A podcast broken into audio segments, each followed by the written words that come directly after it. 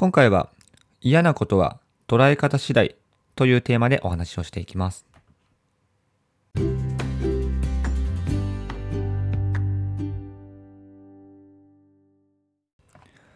皆さん、こんばんは。ヒロトのふらっと独り言。本日水曜日お話をしていきます。はい。えー、今日は、えー、週の中日ということで、まあそろそろ、まあ、疲れが出てきている方なんかも、まあ、いらっしゃるんじゃないでしょうか。はい。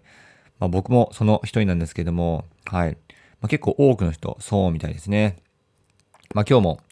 えっ、ー、と、同い年ぐらいの人とちょっとお話をしていたんですけども、やっぱ一週間のうちでやる気出ない日っていつっていうね、話に なりまして、まあ大体みんな水曜日とか、うーん、まあ火曜日とかですかね。はい。木曜日だと意外と次の日が金曜日だから、まあ、なんとかモチベーションが保てるっていう、うん、そんな話をしてまして、はい。なので、まあ水曜日っていうのは結構しんどい時期なんだなってことを僕はすごい共通なこととして感じました。うん。まあそんな感じで、はい。まあ今週は残りあと、えー、2日間なわけなんですけども、頑張って乗り切っていこうと思います。はい。えー、今日はですね、テーマとしては、まあ、嫌なことは、えー、捉え方次第ということなんですけども、はい。まあ、これもですね、まさに今日僕が、まあ、思ったこと、はい、をちょっとね、お話をしていこうかなと思いまして、うん。まあ、もちろんね、この嫌なことって言っても、ま、人によって様々あると思います。はい。まあ、今回はですね、あの、お仕事に対する、まあ、嫌なことですね。はい。あの、まあ、やっぱサラリーマンね、やってると、まあもちろんそれ以外の仕事でもそうだと思うんですけども、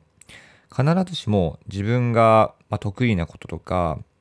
あとやりたいこと、すべてがすべてできるわけじゃないと思うんですね。うん、むしろ、まやりたくないこととか、まあ、苦手なこと、まあ、嫌なことなんかの方が、もう圧倒的に多いと思うんですね。うん。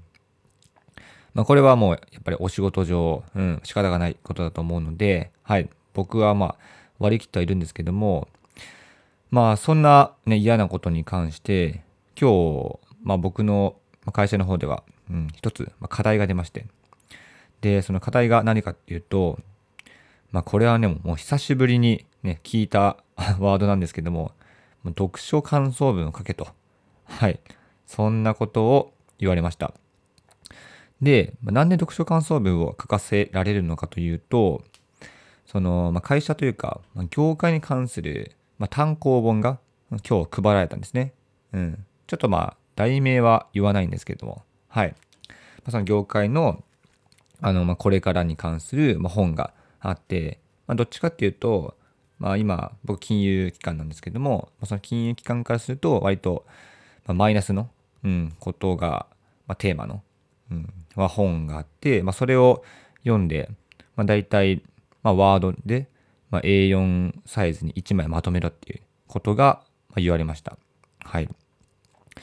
まあそんな感じで、うん、まあ要するに読書感想文を、ま、書かせられるわけなんですけども、はい。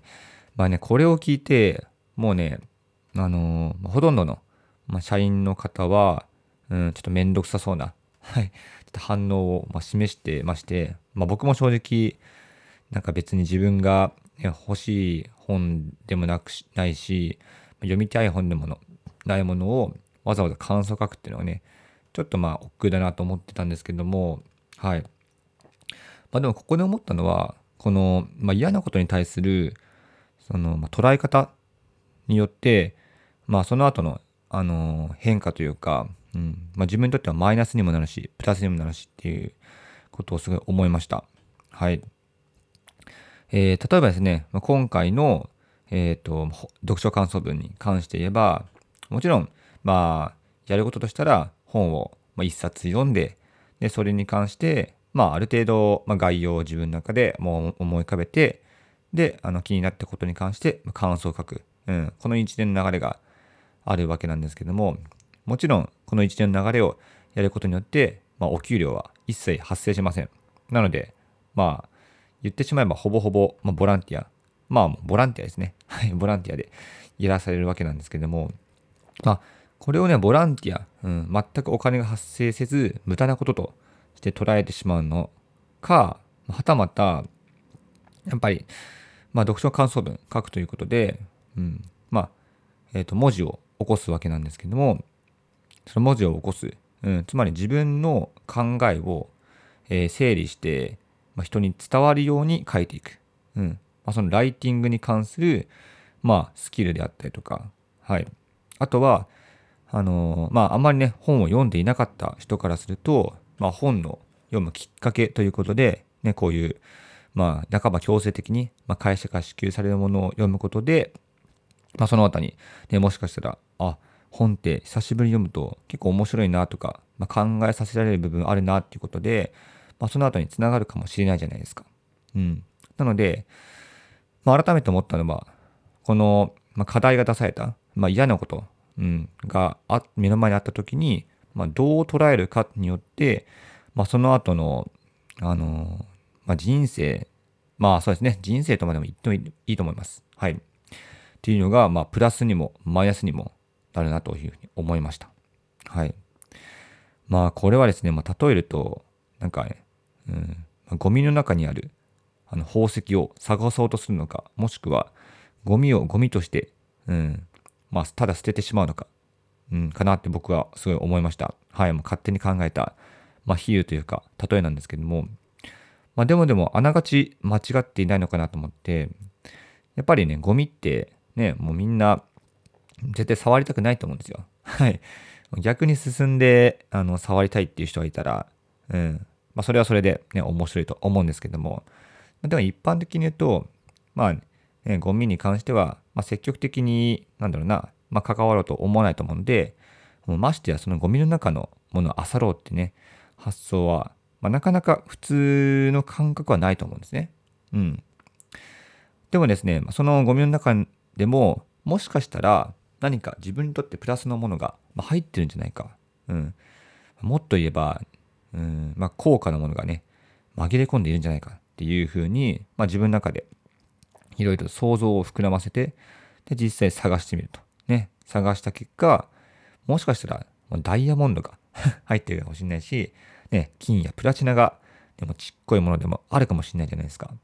なので、そういうメリットを自分でま取ろうとするか、まあ、しないかによって、多分ね、その後の結果ってね、大きく変わってくると思うんですよ。うん。もしダイヤが入ってれば、ね、それを、例えば、ま宝飾店とかで売れば、ね、めちゃくちゃ莫大なお金になるかもしれないですし、うん。まあ、金とかプラチナに関して言えば、まあ、そのまま持ってて、もう価格が上がった段階で売却してお金を得るとか、ね、いろいろできると思うんですよ。なので、まあ、ここからもわかるという、えー、わかるように、まあ、意外と、なんか本当に嫌なこととか、まあ、メリットないね、嫌なことってあんまないのかなって思いました。はい。まあ、今はちょっとね、宝石の、ね、例で挙げたんですけども、まあ、ゴミの例か。はい。挙げたんですけども、まあ、例えば、うん、まあ、嫌なことの代名詞といったら、まあ、掃除とかですかね。はい。まあ、自分のお家の掃除だったらまだしも、例えば会社の、ま、掃除をしろとか、ね。もう全く関係ないじゃないですか、自分には。うん。まあ、あんまりやりたくないことだと思うんですけども、じゃその掃除一つを取るにしても、うん。ただ、やらされてやるのか、それとも、ま、細かい部分を、うん、ま、ゴミとか、と汚れているところを見つけて、まあ、進んで掃除をしてきれいにするのかとか、いろいろね、あのやり方によってはあると思うんですよ。なので、まあ、掃除を通じて、まあ、細かい部分に目を配る力が養われたりとか、あとは、そうですね、やっぱ気持ちが、まあ、すっきりすると思うんですね。うん。そういう、まあ、汚いものがあった時に、うん、いかに磨けるか。うん。まあ、原石をいかに磨けるかみたいな。うん。まあ、そういうとこまで、まあ、繋がっていくんじゃないかと思いました。はい。まあ、あとは、まあ、上司とかから、まあ、資料を作れと、ね、言われた時に、まあ、いかに相手にとって分かりやすい資料の作り方を、ね、するのか。ね、これも、うん、まあ、嫌なことであるけども、やっぱ捉え方によっては、ね、学べる要素が多いというか、うん、それを、まあ、与えられたということで、まあ、すごいチャンスになりますよね。はい。まあ、なので、まあ、総じて、まあ、捉え方次第で、その一つのことが、まあ、学びにもなるし、ね、もう、果ては、まあ、時間の浪費にもなるし、っていうことで、まあ、結構ね、大きな、まあ、二極化がね、この選択肢によって、あるのかなと思って、うん。まあ今日は、うん、まあちょうどね、いいタイミングではあったので、はい。まあ会社から読書感想文を書けということで、うん。まあそういう、まあ旗から見たら、まあ嫌なことっていうのが一つ、今日はあったので、ね、ちょっとお話をしてみようかなと思いました。はい。まあね、もうどうせやるなら、まあ、学びがあった方がいいということで、まあ、僕自身は、うん、なんかね、目の前に物事があったら、まあ、どうせやるな、どうせやるならとか、うん、せっかくやるんだったら、ね、っていうふうに、もうすごいね、突き詰めて考えるにはしてます。はい。もうね、こんな偉そうなことを言える立場では全くないんですけども、はい。まあ、そう考えてね、なるべく、まあ、プラスに物事がいくように、ま、考えるにはしてます。はい。えー、今日はそんな感じで、嫌なことを捉え方次第ということでお話をさせていただきました。えー、いかがだったでしょうか？また明日も元気に配信をしていくので、お楽しみにしていてください。それじゃあ、バイバイ。